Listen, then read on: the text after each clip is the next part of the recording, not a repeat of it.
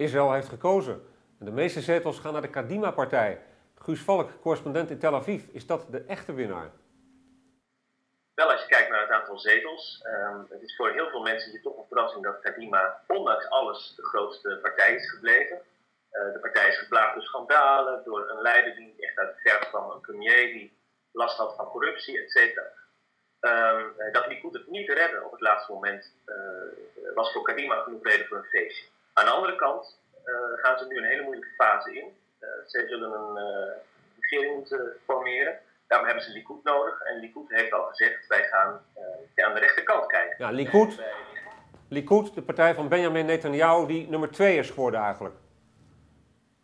Die is nummer twee geworden, maar heeft een, uh, heel belangrijke positie nu in handen bij de formatie. In feite hebben zij de sleutel voor een nieuw kabinet. Um, uh, zonder Likud kan Livni niks beginnen.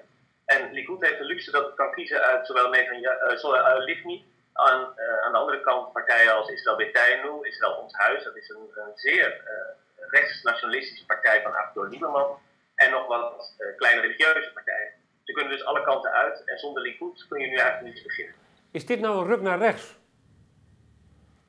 Dan als je kijkt naar de uitslag. De rechtse partijen, de partijen die hebben gezegd: wij willen geen land voor vrede ruilen, wij willen niet door met een vruchteloos uh, vredesgesprek met Syrië. We willen niet door met uh, vruchteloos gesprek met Palestijnen. Al die partijen hebben gewonnen.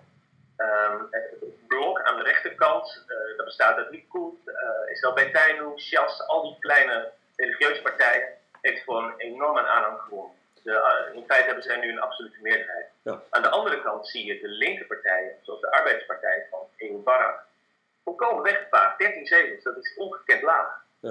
Um, aan de andere kant zie je een rug naar rechts. Bovendien zie je bij een partij als Likud dat de aanhang ook verandert. Uh, het trekt de laatste tijd erg veel uh, uh, nieuwe aanhang onder bijvoorbeeld de kolonisten, wat religieuze, sionistische mensen die, die toch veel radicaler zijn dan de misschien wat oudere aanhang van Likud, de, de, de wat, wat meer rechtsseculiere aanhangers.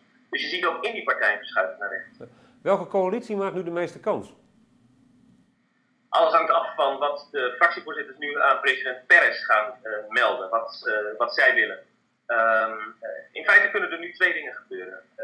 Livni kan met Netanyahu een coalitie van een soort van nationale eenheid vormen. En dan zou je bijvoorbeeld kunnen denken aan Ehud Barak erbij trekken met zijn arbeidspartij. Misschien nog Shas. Um, minstens zoveel kans maakt nu een rechtse coalitie.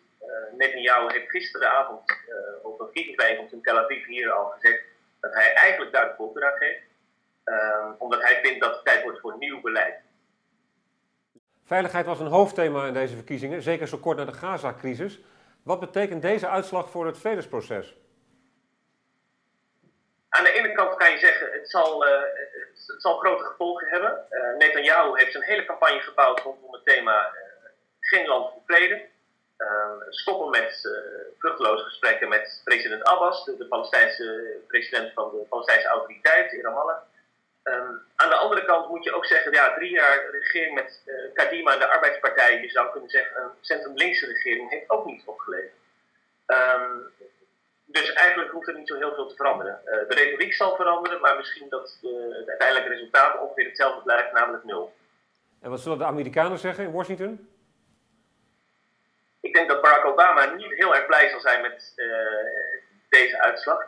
Niet zozeer omdat hij net in jou niet per se ziet zitten, maar veel meer uh, omdat hij uh, in zijn eerste dagen als president duidelijk heeft aangegeven dat hij voor de twee-staten-oplossing is. Dat betekent een Israëlische, Joodse staat en een Palestijnse staat die naast elkaar bestaan. Uh, Netanyahu heeft al gezegd daar buitengewoon weinig voor te voelen. om nog maar te zwijgen van partijen als, als Lieberman. Uh, dat zal betekenen dat, uh, dat, dat Barack Obama dit met uh, argusogen zal toezien. Oké, okay, Guus, we blijven het met jou volgen. Bedankt.